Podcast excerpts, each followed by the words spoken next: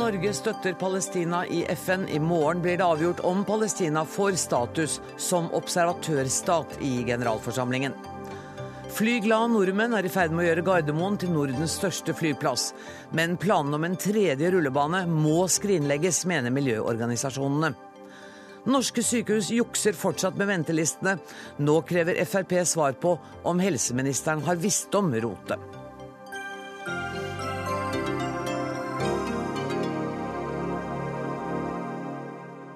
Dette er noen av sakene i Dagsnytt 18 der vi også skal innom utdelingen av Brageprisen som foregår akkurat nå.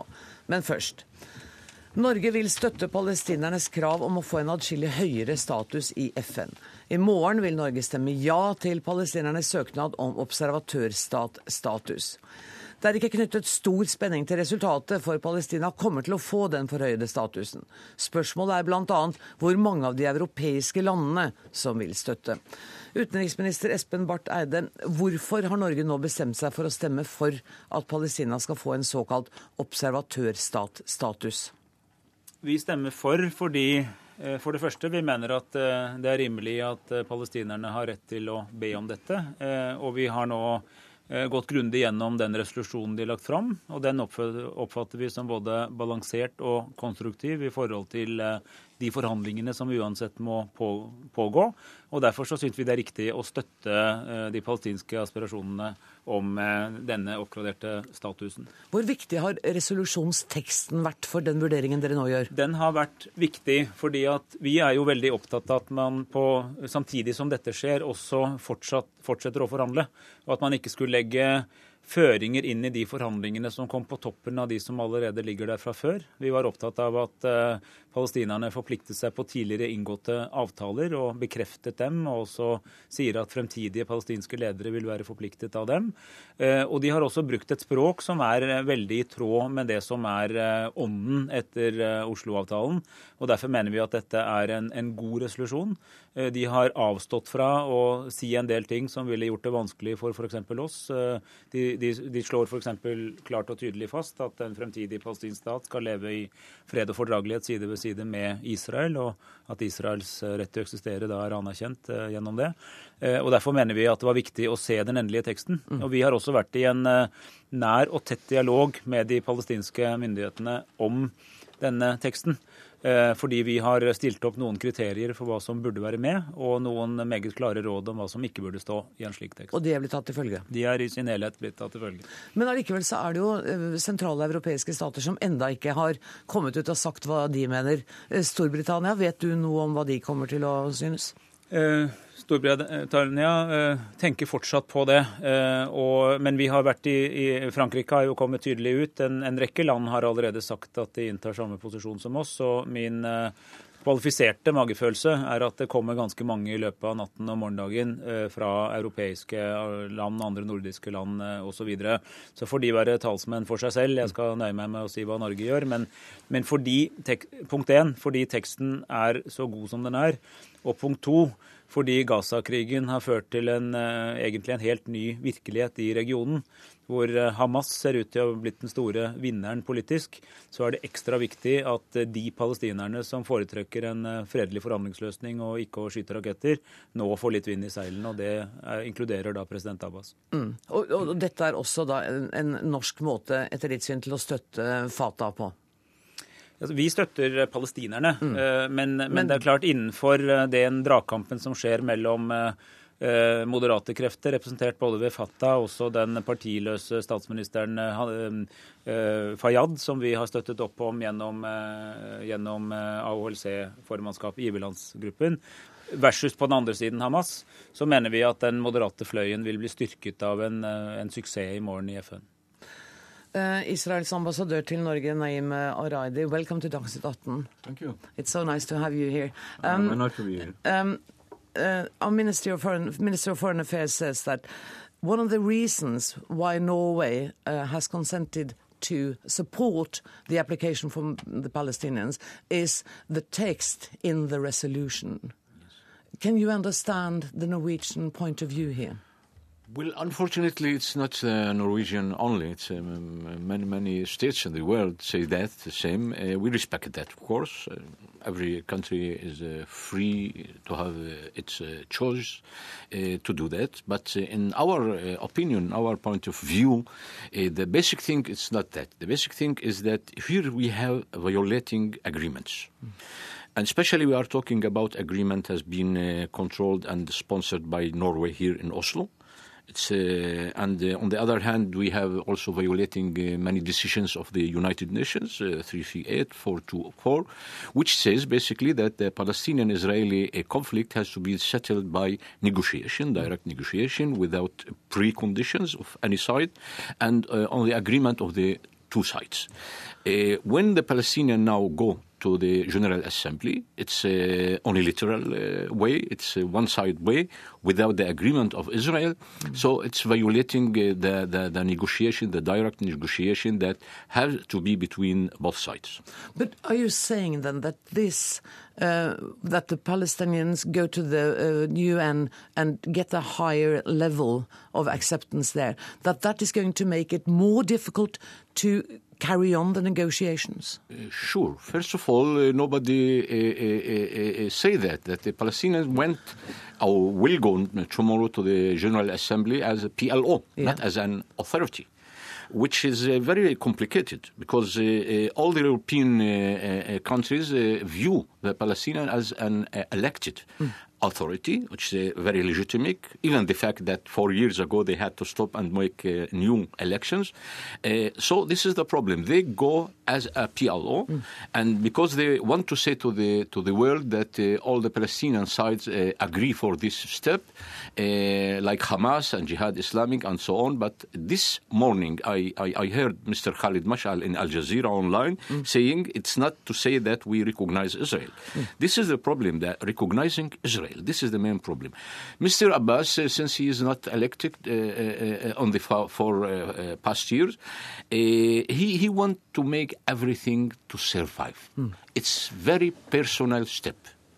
You have uh, used the word catastrophe and disaster about the Norwegian decision to support uh, the Palestinians' uh, uh, membership in the in the general or the status as observators of, of the General Assembly.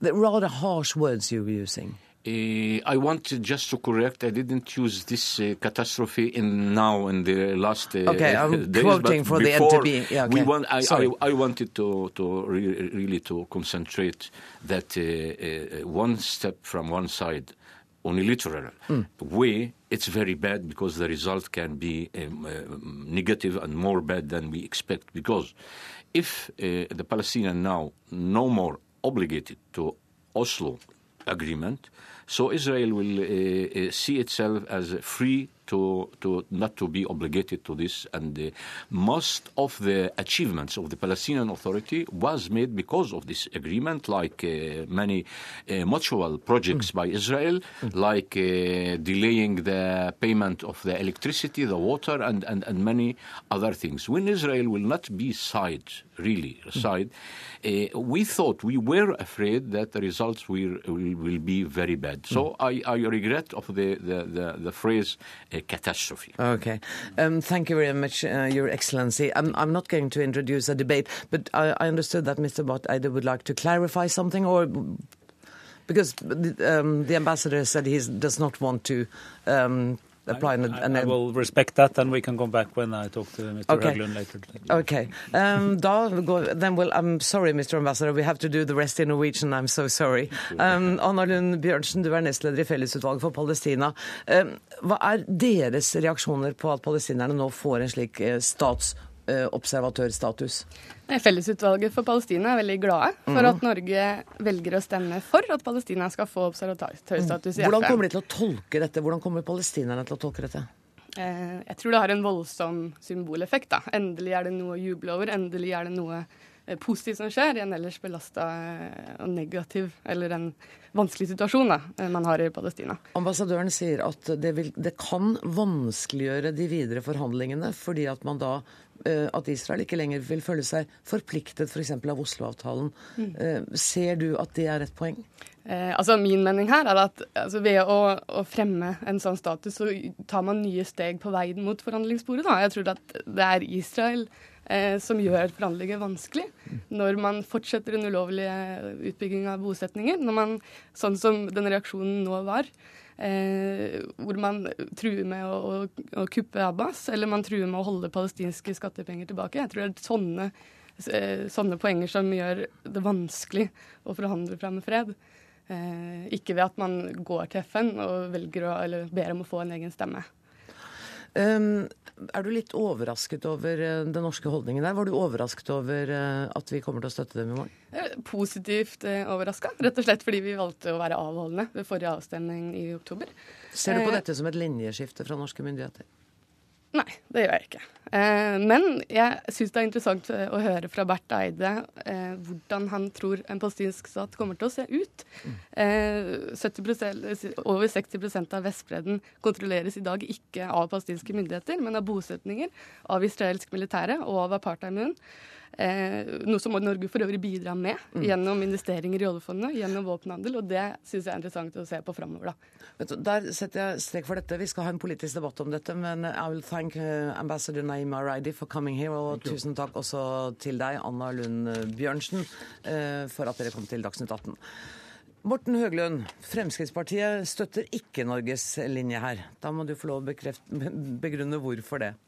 Nei, vi gjør ikke det. Og vi syns ikke dette er måten å gå frem på. Vi er jo alle enige om at vi ønsker å se en palestinsk stat, en tostatsløsning, og en endelig fullførelse av Oslo-prosessen. Har du lest resolusjonsteksten? Nei, jeg, jeg, har, jeg har, ikke det. Uh, og jeg, jeg, registrerer at det der sies en del ting. Men det er for så vidt relativt selvsagte ting at uh, Abbas og Fatah og de palestinske selvstyremyndighetene står ved tidligere inngåtte forpliktelser. Det skulle jo bare mangle. Noe annet ville jo vært en ganske stor nyhet. Så men, men, hvorfor er det så gærent? De har hatt observatørstatus i mm. mange år. Så det man gjør, er altså å heve statusen mm. deres til en observatørstatsstatus. Jo, og det kan synes som et lite skritt. Men Oslo-prosessen sier noe om at statusendringer skal først skje etter forhandlinger. Så der er du enig med den israelske ambassadøren, som sier at vi ja. føler oss ikke lenger forpliktet av den? Altså, eh, jeg skal ikke, Hvordan de føler seg forpliktet, det skal ikke jeg kommentere. Men jeg, forstår, jeg forstår det.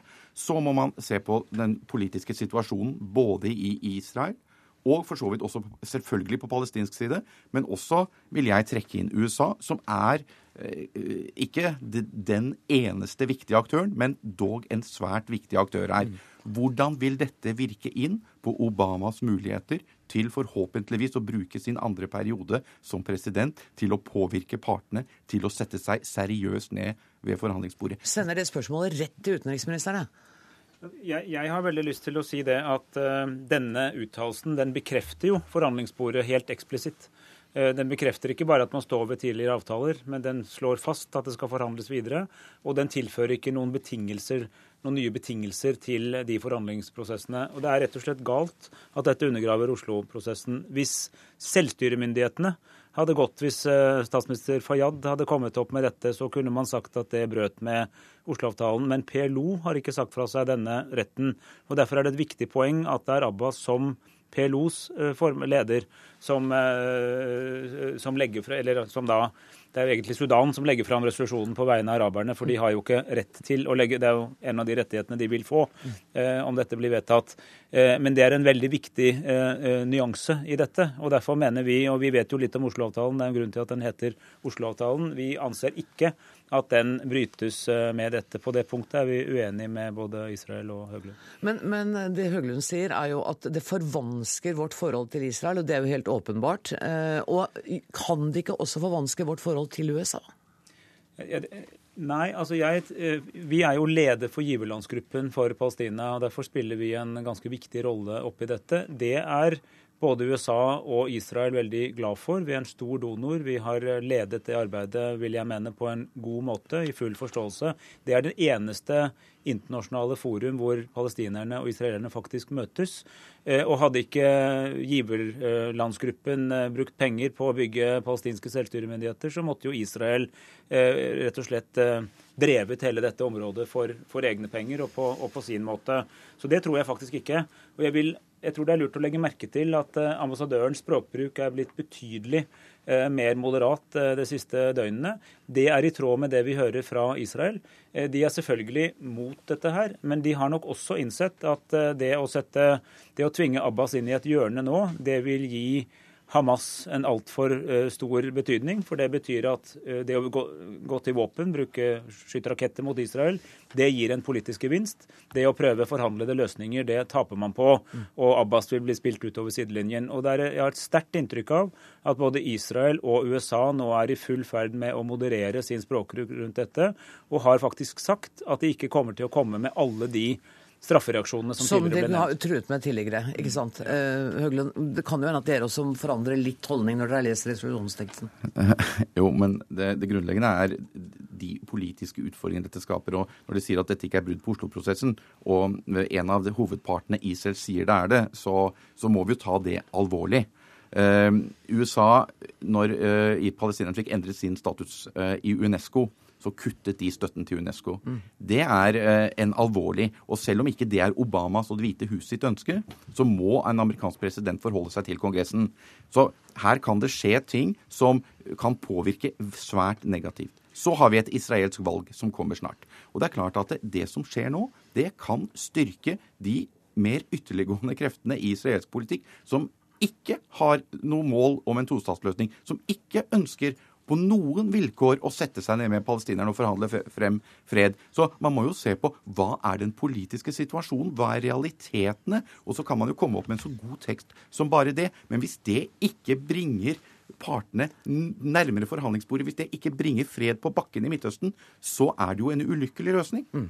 Helt kort, eh, utenriksminister. Jeg konstaterer at Høglund ikke har lest uh, resolusjonsteksten. Uh, den kan han få av meg etterpå. Men jeg konstaterer også at uh, organisasjonen Med Israel for fred, som ikke pleier å stå for noen utpreget propalestinsk linje, for å si det forsiktig, har uttalt at dette var mye mindre ille enn de hadde fryktet, og har egentlig kommet med en moderat positiv kommentar til det som nå skjer. og Derfor mener jeg at det er viktig å være i stand til å, som, å beskrive det bildet som nå er, og ikke bare repetere gamle synspunkter.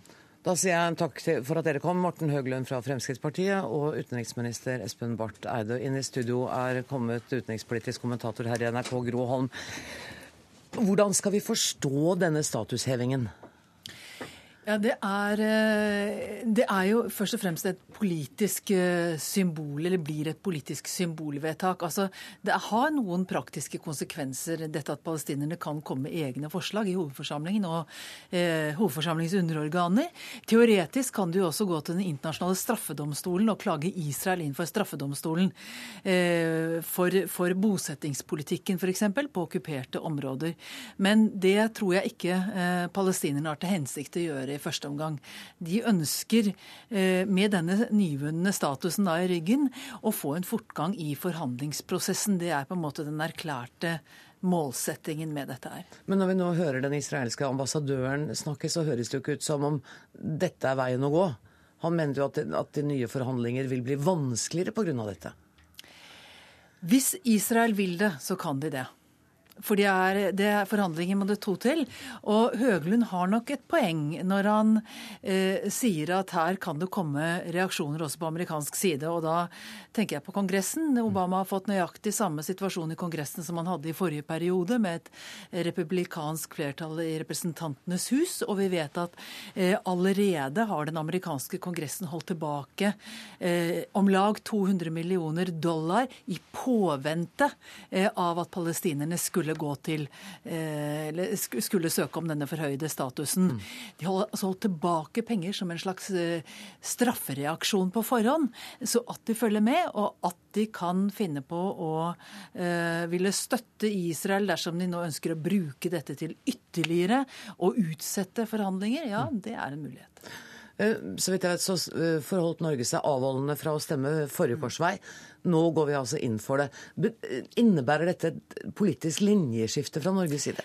Det har nok litt med teksten å gjøre. Det har litt å gjøre med at eh, også, som, som Barth Eide har sagt flere ganger i løpet av dagen, at, at nå trenger Eh, den eh, moderate delen av den palestinske ledelsen, altså eh, president Abbas og de palestinske selvstyremyndighetene, trenger denne støtten. Mm. Fordi for øyeblikket så er, det, så er, det, Hamas som er blitt sterkere på den palestinske siden i, i, forhold til de mer moderate. Og det er jo også på israelsk side faktisk de, de mer konservative, de som Uh, tror at tostatsløsningen, og til og med noen av dem har uttalt det, at tostatsløsningen egentlig er død, ikke noe å satse på.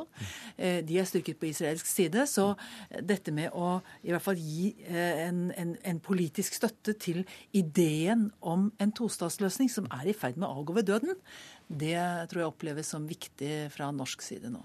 Og det er ingen tvil om at Palestina kommer til å få den forhøyede støtten, for det er flertall i FN for det i morgen. Det er det. Tusen takk for at du kom i studio, Gro Holm, utenrikspolitisk kommentator her i NRK.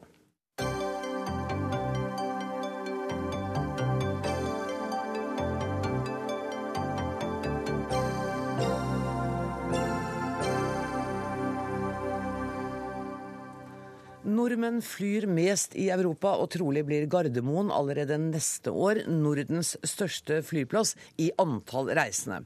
For å sikre tilbudet for norske reisende mener Oslo lufthavn at det trengs en tredje rullebane, som etter planen skal bygges i 2030. Miljøbevegelsen slakter planen og mener luftfarten svikter samfunnsoppdraget sitt. Marit Kristine Vea, du er rådgiver i Fremtiden i våre hender. Svikter de samfunnsoppdraget ved å sørge for at vi kommer oss trygt til og fra Norge? Ja, jeg mener at de gjør det. fordi de har, brukt, de har laget en rapport på 85 sider, og de har ett lite avsnitt som dreier seg om klima.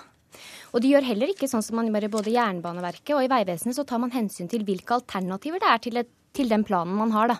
Og det har de heller ikke gjort. De har lagt frem ett et alternativ, og det er rullebane. Og da tar de hensyn til kun én ting, og det er den vekstprognosen som de selv har laget. Hva er det verste eh, scenarioet ved å få en tredje rullebane? Det verste scenarioet er jo at klimagassutslippene fortsetter å vokse. I dag står de for nesten 10 av norske, Norges utslipp. Det kommer av at hvis du tar med utenrikstransport og, og utslipp i høyere livsstyle, så blir det veldig veldig mye. Hvis det fortsetter å vokse, vokse til kanskje 15-20% så står luftfarten for en klimabombe, rett og slett.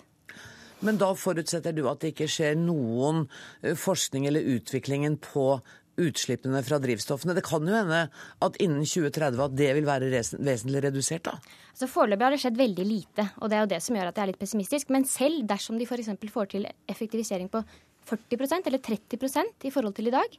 Hvis, utslippsveksten, eller altså hvis eh, flytransporten dobles, så vil fortsatt utslippsveksten være nesten 50 eller 40-50% Så det betyr at man må redusere omfanget av reising, og da nytter det ikke å legge til rette for en tredje rullebane på Gardermoen. Torbjørn Lote, du hører hva hun sier. Du er direktør i NHO luftfart. Det nytter ikke å legge til rette for en tredje rullebane på Gardermoen? Ja, jeg tror vi skal se på kartet, se på globusen hvor vi ligger i verden. Vi ligger i periferien av, eh, av, kloden. Vi er avhengig av lufttransport i en mer og mer internasjonal verden. Vi har en geografi i Norge og ikke minst en topografi som gjør at fly er veldig viktige. Vi har ikke noe annet eh, landsdekkende kollektivtransportmiddel enn fly, og vi er avhengig av fly for å komme ut i verden. Men det er vel et poeng at det går an å bygge ut jernbanen i langt større grad enn det det har vært politisk vilje til til nå? Ja, og det har man utreda, og da fant man ut at det er ingen miljøgevinst med høyhastighetsbane i Norge. Det er veldig lite som ligger til rette for tog i Norge. Fly er faktisk ganske miljøvennlig. Eh, reiser du mellom Oslo og Bergen i dag med de mest moderne fly, så bruker du ca. 11 liter drivstoff eh, per sete på en sånn strekning. Da må du fylle opp en bil eh, for å klare tilsvarende. Utslippet i Norge med fly det er 2,1% av de totale utslippene av klimagasser. Det er omtrent det samme som Norcem sin sementvarefabrikk i Brevik. Mari Kristine da må du bare oppklare for meg. 2,1 sier han, 10 sier du. Mm. Han, snakker om, ja, han snakker om innenlandstransport eller innenlandsflyvninger og tar ikke med den store, altså den største delen av vår flytransport som er ut av landet vårt. I tillegg så tar han men, ikke med men, men, ja. Stopp litt. For det, altså, ut av landet er vi jo nokså avhengig av fly. Ja. Det er lenge siden Amerikalinjen ble lagt ned, og det tar litt for lang tid å komme seg Men der er det jo ikke noen reelle alternativer. Nei, men det jeg syns er litt eh, interessant i denne diskusjonen her, er at nordmenn flyr da tre ganger så mye som både svensker og spanjoler. Hvorfor er det sånn? Det er én en enkel grunn til det. Det er veldig, veldig veldig billig å fly i Norge. Både luftfarten selv og passasjerene sponses til å fly. Det legges rett og, slett til rette for at vi skal fly mest mulig. Det sier jeg absolutt ingen grunn til, i lys av at vi står overfor en svær klimautfordring. I tillegg så mener jeg jeg er helt uenig med Lote. fordi de tre strekningene mellom Oslo, Bergen, Trondheim og Stavanger er blant de 20 mest eh, flydde strekningene i landet vårt. Der ligger det perfekt til rette for å ta tog, og det tror jeg folk er kjempeinteressert i. Det er ikke OK at ikke du har et klimavalg, altså at ikke du har et alternativ som er klimavennlig når du skal ut og reise. La oss prøve å sortere det bitte litt. La oss ta Oslo, Bergen, eh, Trondheim, Stavanger først. Det er jo et poeng. Der, der må det jo finnes alternative muligheter, Lotte. Eller bør gjøre det i framtida. Ja, Det er godt mulig, og man har jo utreda høyhastighetstog, men det hadde jo vist at det er ikke klimavennlig. Eh, fly er jo faktisk veldig miljøvennlig fordi du flyr mellom A og B uten å forstyrre noe imellom. Du ødelegger ikke arealressurser, kulturminner, jordbruksarealer og slike ting. Du lager ikke barriereeffekter. Støy blir mindre og mindre problem. Og som sagt, energiforbruket er nå 50% lavere enn det var for 10-15 år siden. Men tar de bare feil? Er, er miljøorgan... For det er jo ikke bare Mari Kristine Vea som mener dette. Samtlige miljøorganisasjoner sier jo det samme. Nei, er de, de dumme? Lyver de? Tar de feil? Hva er det? Nei, Vi har to typer miljøorganisasjoner. Noe som sier at vi må gjøre noe for å gjøre transportsektoren og luftfartssektoren mer miljøvennlig. Mm. Og noen som sier at vi må bekjempe den. Jeg har mer tro på at vi må gjøre den mer miljøvennlig. Vi jobber nå veldig aktivt med en rekke Men du sier jo at den er kjempemiljøvennlig som den er òg. Ja, Men vi jobber også med en god del tiltak som, på teknisk operativ side som gjør den mer miljøvennlig. Vi jobber med energieffektivisering og, og ny, nytt materiell som vil gjøre det mer miljøvennlig. Og vi jobber med biodrivstoff, og da annen generasjon bærekraftig biodrivstoff, som gjør at vi i, i 2025 ser for oss 50% lavere energiforbruk og klimagassutslipp per produsert enhet enn vi har i dag. Er ikke du fornøyd med dette, da? Jo, jeg er fornøyd med at de gjør disse tingene. Problemet er at dersom du legger opp til en dobling av flytransporten, så spiser den dessverre opp den energieffektiviseringen du snakker om. Men tror du det er realistisk å, å, å få oss til å reise mindre? Altså, Vi reiser som sagt tre ganger mer enn svenskene. Er det virkelig realistisk at vi skal fortsette å reise dobbelt så mye som nå, spør jeg. Jeg ser ingen grunn til det. Jeg tror ikke vi blir ulykkelige om vi reiser litt mindre. Og det her handler om prissignaler. Alle i Norge er enige om at vi må sette en pris på CO2. Og hvorfor i all verdens land skal flytransporten være un unntatt fra det, det reglementet? Det forstår jeg ikke. Vi, vi, vi, er faktisk en av de sektorene som er med i klimakvoteregimet i Europa. Det betyr at det er satt et tak på utslipp, og i den grad man går utover det taket, så må man kjøpe klimakvoter og redusere utslippet en annen plass. Det er en veldig effektiv og god måte å gjøre det på. Og vi er enig i at luftfarten skal være med i klimakvoteregimet. Ser du også for deg at, eh, eller er du enig med Mari Kristine Vea i at uh, prisene er for lave og kan ikke fortsette å gå ned fordi at det oppfordrer til en stor mengde helt unødige reiser? Prisene er lave fordi det er tøff konkurranse. Men luftfarten betaler for alle sine kostnader. De betaler for infrastrukturen, eh, de betaler for miljøulempene gjennom klimakvotesystemet og CO2-avgift, som kommer på toppen. Dersom man skal legge på avgift utover det, så blir norsk luftfart utkonkurrert. Eh, og utenlandske selskaper som kanskje er mindre miljøvennlige, kommer inn her og får frigjort kvoter som gjør at de kan operere mer enn før. Det ville være å skyte oss sjøl i foten. Men ser du ingen ulemper ved at vi da reiser mer enn våre nordiske naboer? Vi reiser mye fordi vi er avhengig av å reise. Vi er ikke mer avhengig av å reise til USA enn svenskene og danskene er? Vi har et veldig utadretta næringsliv. Vi ligger slik til på kloden at vi må reise mye, og vi blir mer og mer internasjonalisert. Da er det naturlig at vi reiser. Og vi betaler for oss, og vi betaler også miljøkostnadene ved luftfarten. Og statusen på miljøsida er betydelig bedre enn det noen eh, ønsker å fremstille det som. Da er du enig ved at, at, de gjør altså noen ting som er bra, men uh... Jeg er enig, men det som er problemet er at luftfarten fremstilles som de har kommet, liksom allerede har vært igjennom en revolusjon med hensyn til klimagassutslipp. Det stemmer ikke. Utslippene går opp og ikke ned. Og bare La meg komme med ett kort eksempel. I Bergen legger de opp til, eller er de planlagt for å doble lufttransporten de neste ti årene. Dersom de gjør det, betyr det like store utslipp som 270 000 biler. Det betyr at de nuller ut absolutt alle andre klimatiltak som gjennomføres i Bergen. Og det, så All den tid luftfarten er sånn, så kan man ikke legge opp til svær vekst. Da må man gjøre så godt man kan innenfor de rammene man har. Og vi må alle gjøre så godt vi kan der vi er. Jeg prøver å holde klokka. Tusen takk for at dere kom, eh, Marit Kristine Wea og Torbjørn Lope.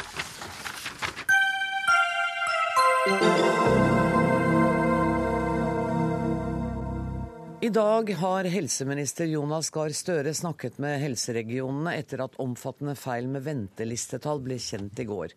Riksrevisjonen har avdekket at reell ventetid for pasienter i sykehuskø er 96 dager, ikke 68 dager, slik offentlig statistikk viser.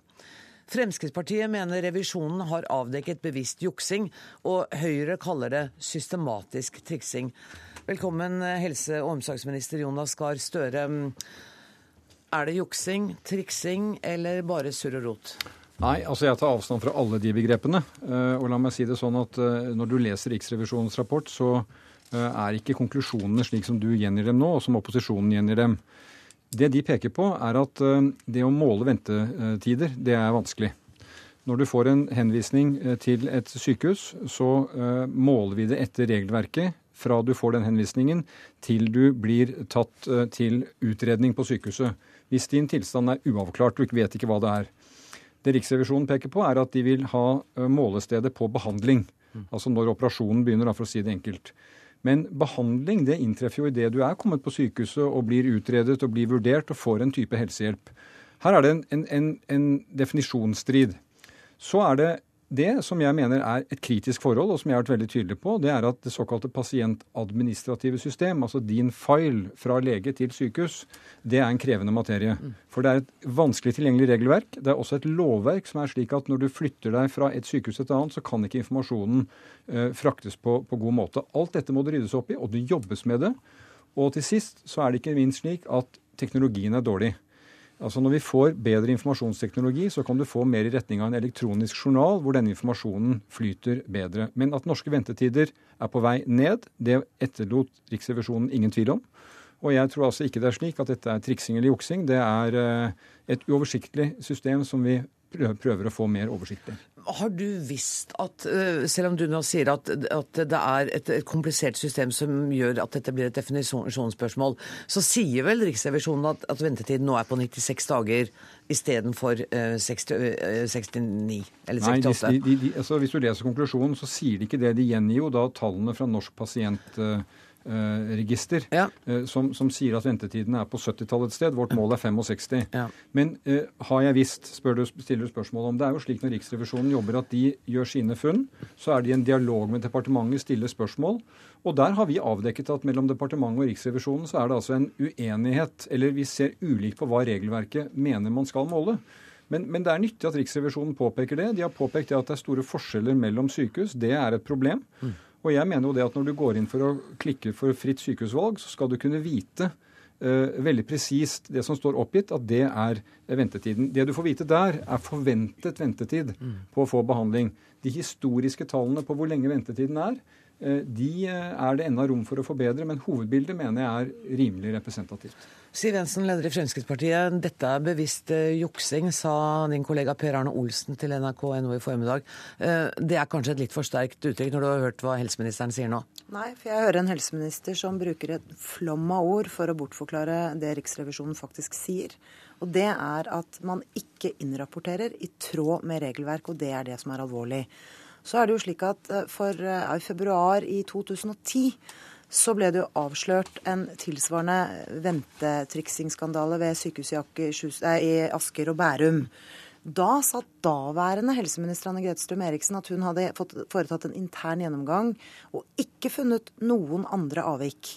Eh, sannheten er vel heller den at det er store avvik. Ventetidene går opp, og de er uansvarlig mye høyere enn det som er målsettingen. Og da syns jeg det er jeg, jeg syns det er veldig spesielt. Når helseministeren har visst om dette, likevel går ut i Dagsrevyen og sier at, at, at bildet ser helt annerledes ut. Det som er faktum, er at ventetidene er lenger. Det foregår en systematisk triksing med dette, uvisst av hvilken grunn. Det krever en helt annen type ledelse, og det krever helt andre typer tiltak. Og jeg syns faktisk det er på tide nå at vi får en uavhengig gjennomgang av hele helsesektoren. Fordi dette føyer seg bare inn i rekken av en lang rekke skandaler vi i den senere tid har fått. Nå må vi til bunns i alt dette. Erna Solberg, du er leder i Høyre, du er med oss fra eh, studio i Stortinget. Er du enig med Siv Jensen i at vi må ha en uavhengig gjennomgang av hele helsevesenet? Nei, Vi må iallfall få ryddet opp i dette med hvordan man skal føre ventelister. For det er klart at dette dette er noe annet enn det vi har forventet. Det er ikke første konsultasjon hvor man avdekker om man skal gjøre det som skal være spørsmål om ventelistegarantien eller fristbrudd er, er, opp, er, er, hindret. Det er faktisk når behandlingen skjer. Og det er klart at Når jeg hører Jonas Gahr Støre snakke nå, så snakker han seg vekk fra det som er problemet. Hvis det er sånn, og det, tenk gjennom hva dette egentlig betyr. sant? Du tar altså Sykehuset tar inn folk til en konsultasjon for en kneoperasjon. Så sender de dem hjem igjen og lar de vente i ukes og månedsvis på å komme til. Men så sier de altså at pasienten ikke lenger venter, fordi de har vært inne til en samtale om kneet sitt, ikke til en behandling av det kneet. Og det er klart at Når vi har satt eh, frist garantibruddstidspunkter, hvor altså du skal ha fritt valg etter det, ja, så er det faktisk på behandlingen. Det er ikke på å få lov å snakke om det vonde kneet ditt, det er faktisk for å få gjort noe med det. Men, men, det er vel nettopp det eh, helseministeren sa at Utenriksministeren, holdt jeg på å kalle deg nå. Eh, helseministeren sa var at dette er også et definisjonsspørsmål. Med, fordi ja. at man oppfatter men, at behandlingen begynner da når du er på sykehuset. Nei, men det er altså etter min mening en helt feil vurdering av det vi har vedtatt av pasientrettigheter, av det vi har snakket om om behandlingsrettigheter.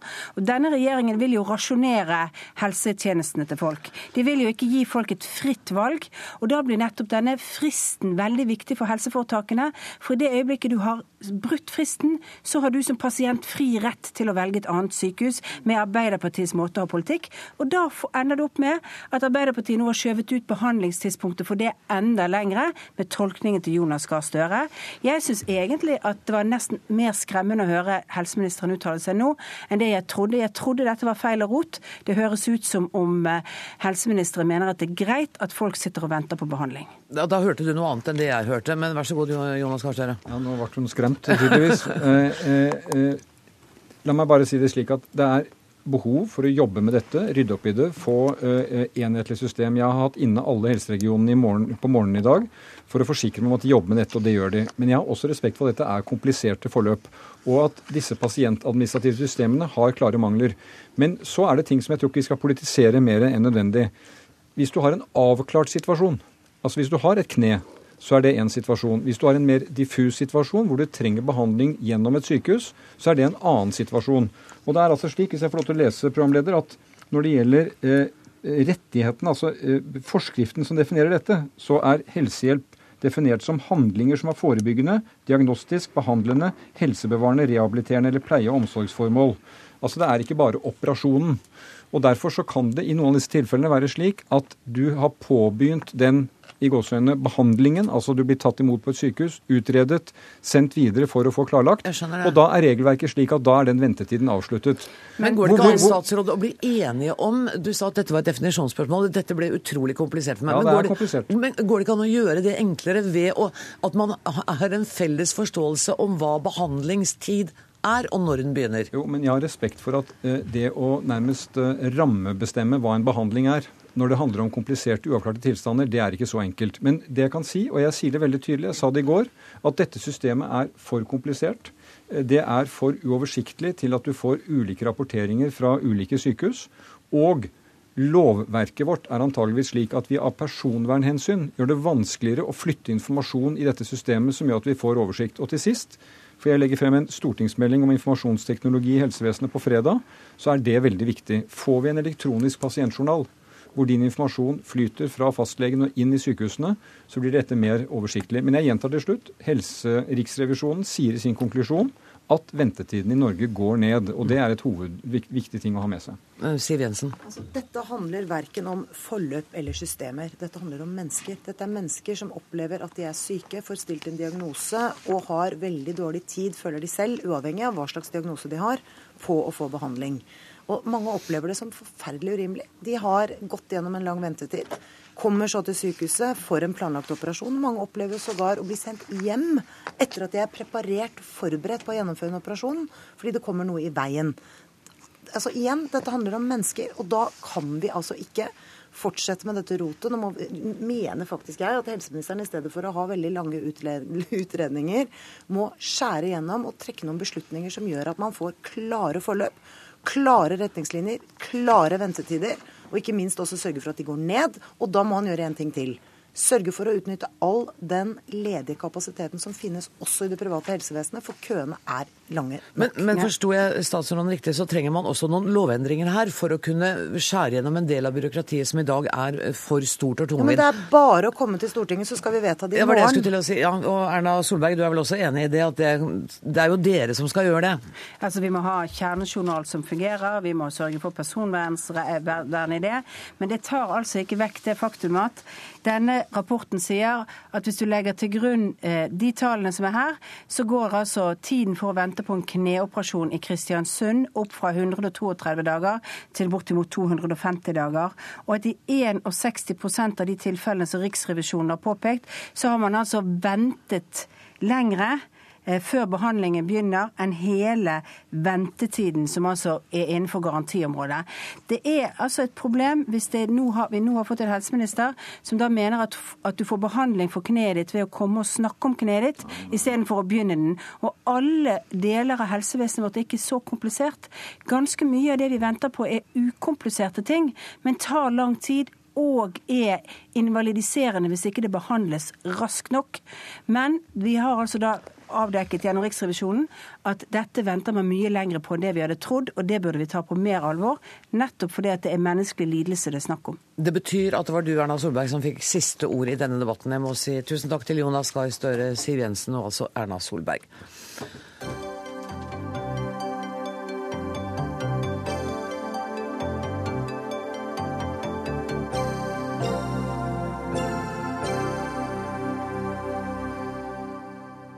Fremskrittspartiet er fortsatt med i debatten i Dagsnytt 18 i dag, for partiet mener at regjeringen somler med å få vedtatt en ny lov som skal gjøre det straffbart for enkeltpersoner å forberede terrorhandlinger. Regjeringens forslag er ute til høring, mens Fremskrittspartiet mener det er unødvendig med en så lang saksbehandling, og har i dag levert sitt lovforslag. Per Sandberg eh, fra Fremskrittspartiet, du er leder i justiskomiteen på Stortinget. Hvorfor fremmet dere dette Dokument 8-forslaget i dag? Ja, Nå fremma vi et forslag som gikk direkte på lovendringer på to områder. Ja. Eh, blant annet, eh, I dag så er det sånn at du nærmest må være et forbund for at det skal bli, være straffbart å, å, å legge til rette for eh, terrorvirksomhet. Mm -hmm. eh, og så er det da det som har vært bekymringa nå i lang tid, at eh, norske statsborgere reiser ut og driver med terrortrening. Så de to områdene har vi tatt for oss nå. Eh, La oss ta det første, ja. det, som, det, som, gjelder det som heter straffelovens paragraf 147 mm. a. La oss ta det først. Mm. Ja, og, det, og det, altså, nå har jeg som jeg på å si, eneste stortingsrepresentant fulgt av de forskjellige terrortrusselvurderingene fra PST de siste årene. Mm. og her har det vært en gjenganger at eh, det som er problemet etter hvert nå, det er at terrorister ikke opptrer i forbund eller i, i sammensvergelse lenger. Man opptrer i mye større grad alene. Mm. Eh, og Da er det vanskeligere også å etterforske og finne eh, disse mulige terroristene. Eh, og det har vært en bekymring over lang tid. Og nå har også Stortinget sagt at vi skal ha en ny lov på dette området. Eh, og så er det sånn da at eh, regjeringa driver fortsatt og somler med det her. Eh, de påstår sjøl at de skal komme med et lovendringsforslag neste år, kanskje. Eh, I løpet da, av vårsesjonen, sa ja, Justisdepartementet til ja, meg i dag. Det, ja, og det har de sagt på en rekke andre områder også, når det gjelder meldinger av stortingsproposisjoner okay. som skal komme til justiskomiteen, men, men, som blir skyvd ut i tid. Men for Det som jeg stusser over, er at det forslaget du har, eller dere har lagt fram i dag, det tar altså utgangspunkt i det som nå står i loven, men ikke i det det som er regjeringens forslag på dette punktet. For regjeringen sier jo nå i sitt høringsnotat at den som planlegger eller forbereder en handling eh, ved, å sette, ved, å sette, seg i besittelse av gjenstander eller informasjon som er egnet til bruk av gjennomføring av en slik handling, altså terror, straffes med fengsel inntil seks år. Det ligner jo veldig på det du har foreslått, bortsett fra at dere har en strafferamme på tolv år. Ja da. Det ligner veldig, men samtidig så går ikke vi så langt da, som regjeringa gjør på en rekke andre områder, der at man nærmest skal straffeforfølge tenke, tenkevirksomhet. I vårt lovforslag så ligger det til grunn at det skal være bevismateriell som samles inn eh, i mye større grad enn det som ligger i høringsutkastet. Eh, men poenget er her eh, i overordna form å gi politiet, PST, muligheter for å komme inn på mistanke og bekymringsmeldinger for å samle tråder fra forskjellige områder, for eventuelt også slå ned på planlagt terrorisme. Trine Skei Grande, her er det du reagerer. Ja, fordi jeg, jeg mener at en grunnleggende base i ethvert demokrati, i ethvert eh, rettsvesen, er jo at vi skal ha handlinger som skal kunne bevises.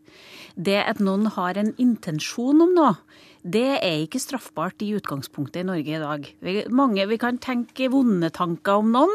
Vi kan tenke at vi skal gjøre ting som er helt forferdelig, men det er likevel ikke straffbart å tenke tanken.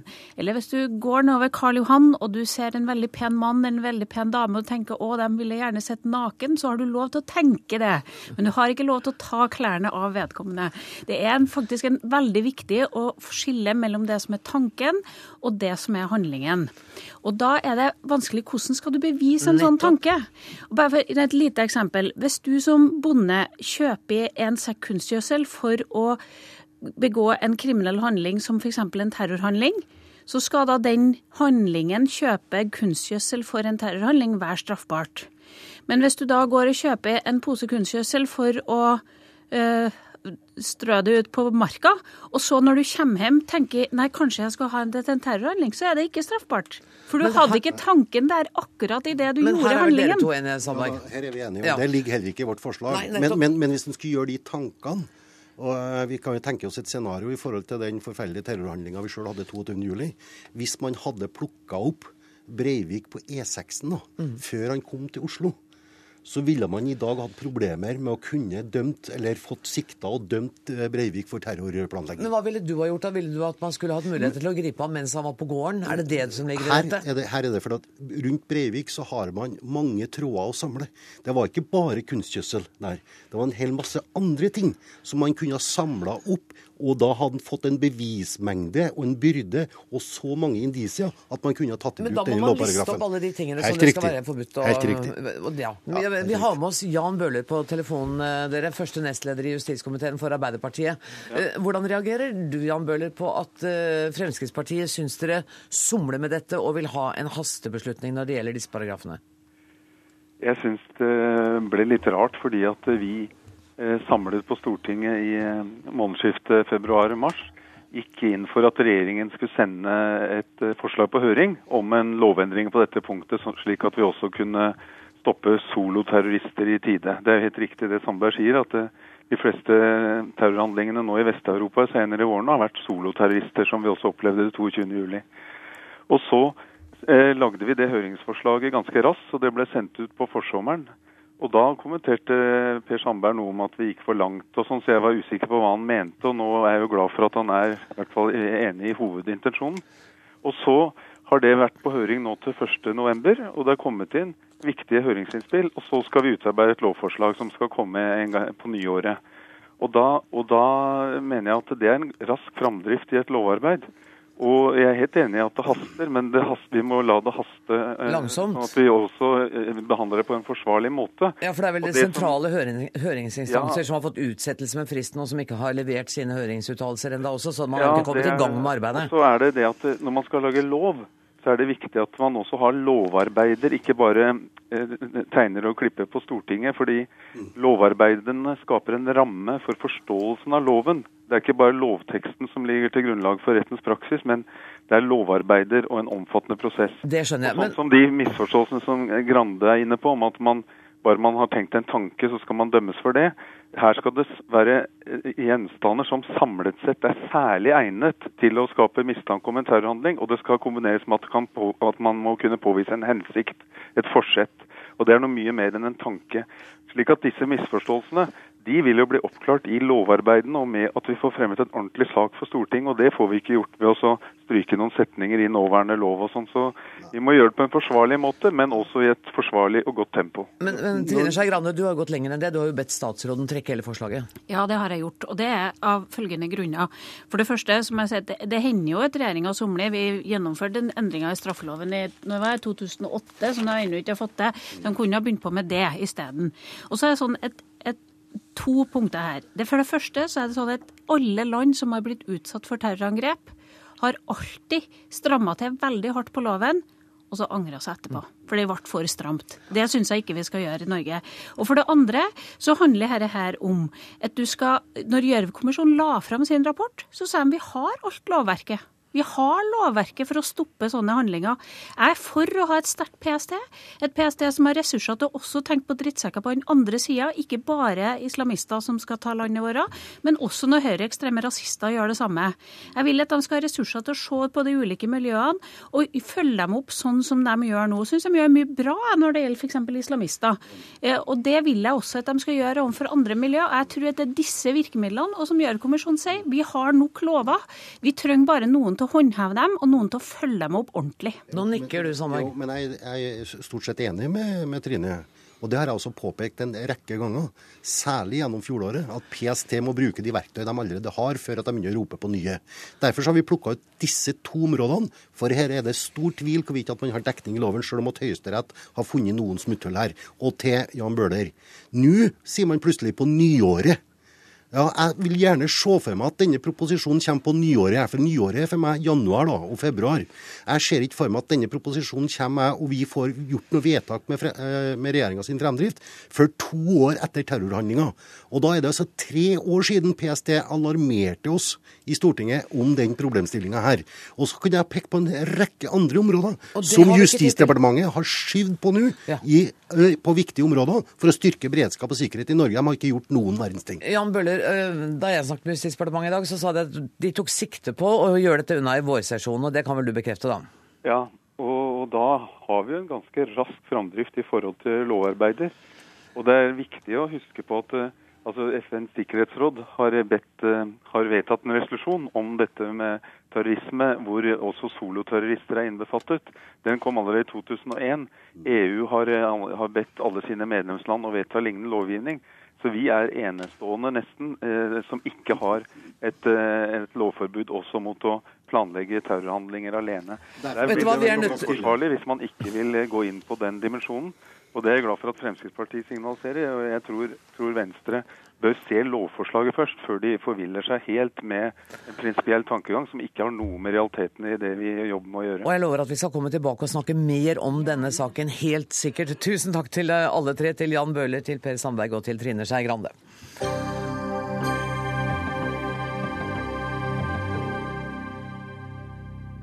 Nå skal det dreie seg om litteratur og Brageprisutdelingen, som akkurat nå er i ferd med å rundes av i Gamle Losjen her i Oslo. Reporter Eirin Venås Sivertsen, du er med oss fra seremonien. Hva skjer akkurat nå? Jeg hører mange mennesker rundt her. Akkurat nå så står jeg her sammen med vinner av Brageprisen for skjønnlitteratur, Lars Amund Våge. Eh, og nå blir vi tatt bilder av noen fotografer her, og det er akkurat avrunda her. Og hedersprisen har gått til Knut Fallbakken. Det skjedde akkurat nå. Um, Kanskje jeg kan få snakke to ord med Lars Amund Våge? Absolutt. Eh, Lars Amund Våge, gratulerer med prisen. Du har fått den for boka 'Syngja'. Ja, tusen takk. Hvordan, eh, jeg må jo spørre sånn som idrettsfolk her, hvordan har du det nå? Ja, nei, Jeg er veldig rørt og glad. Du har tidligere vunnet en rekke andre tunge litterære priser, og du har også vært nominert til Nordisk råds litteraturpris. Hvordan er det å vinne Brage? Nei, det, det, er helt Det er stort. Eh, det føles veldig bra. og Det er noe å eie med denne boka òg for meg, da. Det er en spesiell bok for meg. Og å få en pris for den, det, føles utrolig godt. Jeg tror trygt vi kan si at det er en spesiell bok også for oss som har hatt gleden av å lese den. For den handler om, hvis jeg skal ta to stikkord, autisme og sorg, ikke sant?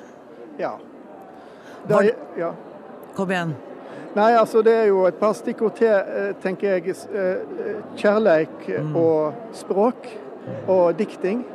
Som alt dette blir, eh, blir omhandla i boka. da. Og boka er en sterkt personlig bok, som du sa. Og i juryens begrunnelse så står det bl.a. at dette er en modig roman som opphever skillet mellom forfatter og forteller, hvor fiksjon og kunstskriving makter å gjøre det unevnelige begripelig og det tabu og tabuiserte uttalt. Var det sånn du tenkte da du jobba med boka? Nei, ikke akkurat. men kan ikke si det. Men jeg, jeg syns det er fint å høre de setningene nå, altså. Du, er, Jeg hører at det er et voldsomt kok av folk rundt deg. Det er sikkert mange som skal ha fatt i deg. Gratulerer så masse, Lars Amund Våge, som altså fikk eh, Brageprisen for romanen 'Syngja'. Agnes eh, Moxnes, du er kulturkommentator her i NRK. Det var ikke så uventet vel at det ble Lars Amund Våge? Det var ikke det. Jeg tror det er veldig mange som har heiet på at han nå skulle få en Bragepris. Han er jo en forfatter som har gjort seg bemerket fra debuten sin. Eh, er nok vært i mange år for de spesielt interesserte. Og jeg legger merke til at det er plass blant liksom bestselgerne denne høsten mm. for en, et nytt norskt navn selv om det ikke er helt nytt. Men et navn som alle, altså folk kan gå og kjøpe denne boka her, er en, en storartet opplevelse å lese Lars Amund Våge. Ja, og jeg tror det er mange med meg som opplevde han som ny i år fordi vi da har forsømt oss i tidligere ja, bøker. Og, og Synge handler jo om en ung kvinne. Eh, han skriver rett og slett om datteren sin, som er autist, og om det livet det er. Ja, og hun, han takket jo henne i takktalen sin. Takktalen hans var veldig kort. Han var veldig rørt, som han sa her. Og så sa han det at først og fremst takk til Gunhild, hun heter jo bare G i, I boka, boka mm. som ga meg denne oppgaven. Du, Vi skal tilbake til uh, Losjen og Eirin Venås uh, Sivertsen. Um, så vidt jeg skjønner, så har du klart å få fatt i hedersprisvinneren også? Ja, det har jeg. Jeg huka tak i han her, og nå står vi på scenen. Og han har den eh, flotte statuen i hendene, Knut Fallbakken. Ja, det har jeg. Gratulerer, Knut Fallbakken. Tusen takk. Det var en fantastisk overraskelse. Man blir ikke nominert, vet du, så man vet ikke noe på forhånd i det hele tatt. Jeg trodde jeg kom hit for å se på et show, jeg. Ja, Du hadde en liten mistanke, hadde du ikke det, Knut? Ingen anelse. Vet du hva? Det lyver jeg ikke om, altså. Jeg hadde ingen anelse. Juryen sier at du på forbilledlig vis har klart å holde deg aktuell, og stadig også kontroversiell, og satt fingeren på kulturens smertepunkter. Jeg må spørre deg som jeg spurte Våge, har det vært et mål for deg i forfatterskapet? Du, altså, jeg har ikke noe program for forfatterskapet mitt. Eh, jeg, jeg skriver veldig på impuls og lyst. Eh, og jeg er helt avhengig av at, eh, kan du si, en, en, en spenningssituasjon eh, stiger, kan du si, opp i meg med et eh, formidlingsbehov som til slutt sprekker ut i en bok. Altså, jeg, jeg skriver hele tiden. Og du har et stort og bredt forfatterskap. Ja. Er det noen av bøkene dine som du kan føle at du aldri blir helt ferdig med tematikken i?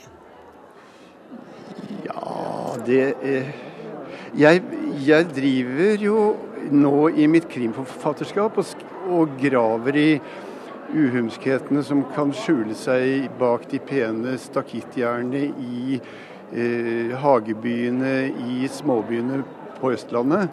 Eh, jeg liker å grave litt bak godtfolks uh, pene fasader. Mm. Jeg er ikke noe redd for å vise uh, skyggesidene. Jeg er ikke noe redd for å dukke ned i dem heller. Det er det som har gjort meg kontroversiell, selv om jeg aldri har prøvd å være provoserende i det hele tatt. Jeg er absolutt en veldig snill gutt, altså. Du har vært helt uh, ufrivillig provoserende. Ja. Eh, Knut Fallbakken, du skal også få lov å gå og feire så mye du kan. Tusen takk for at du var med i Dagsnytt 18, og nok en gang gratulerer. Agnes uh, Moxnes, Fallbakken sier at han er ikke noe redd for å gå bak i uhumskheten og det. Allerede fra da jeg leste Adams dagbok på 70-tallet, så var var det jo det han gjorde. Han har eh, gjort det hele veien, og han har jo skapt altså For oss som har liksom levd noen år, da, så vet jo vi at Knut Fallbakken var en mann alle snakket om i flere tiår. Han var med i talkshow på TV. Han var i debatter. Han ble hentet til Sverige for å være med i debatter der. Han var virkelig et stort, stort forfatternavn og et stort medienavn. Og så har det jo blitt litt stillere rundt han etter som årene har gått. Men han skrev jo den første romanen om miljøvern og forurensning, altså de to bindene av uår. Og så kom jo da denne eh, bryllupsreisen, som kanskje er en av de bøkene som har solgt mest, i Norge, mm. og, og ble en kjempedebatt rundt. Og nå feirer de. Det har jo vært tilløp til debatter rundt Brageprisen. Er de debattene også dø nå? Ja, Det er litt sånn rituelle de kommer hvert år. Men Brageprisen har nå etablert seg. Jeg vil si at Hvis vi skal rangere litteraturpriser, så har vi Nobels litteraturpris, så har vi Nordisk råds litteraturpris. Og jeg vil si at nå har Brageprisen liksom nådd i Norge tredjeplassen. Det er en veldig viktig pris å få. Og for forfatteres CV så, står, så er det fint å ha den der. Og så har det jo vært mye snakk om dette med at det er få kvinner som har mottatt de ja. ulike litterære prisene ja, ja, i Norge skandaløst få kvinner. Det må jo noen gjøre noe med. Det er få unge forfatterskap, selv om det må sies at Kari Stai og Linn T. Sunne vant for to barne- og ungdomsbøker. De er tross alt litt yngre, men det er den eldre herregenerasjonen som stikker av gårde med altfor mange priser i Norge. Ja. Og det er den eh, godt voksne kvinnegenerasjonen som avslutter dette Dagsnytt 18. Tusen takk for at du kom i studio, Agnes Moxnes. Denne sendinga er slutt. Jeg skal bare nevne at ansvarlig i dag har vært Sara Victoria Rygg.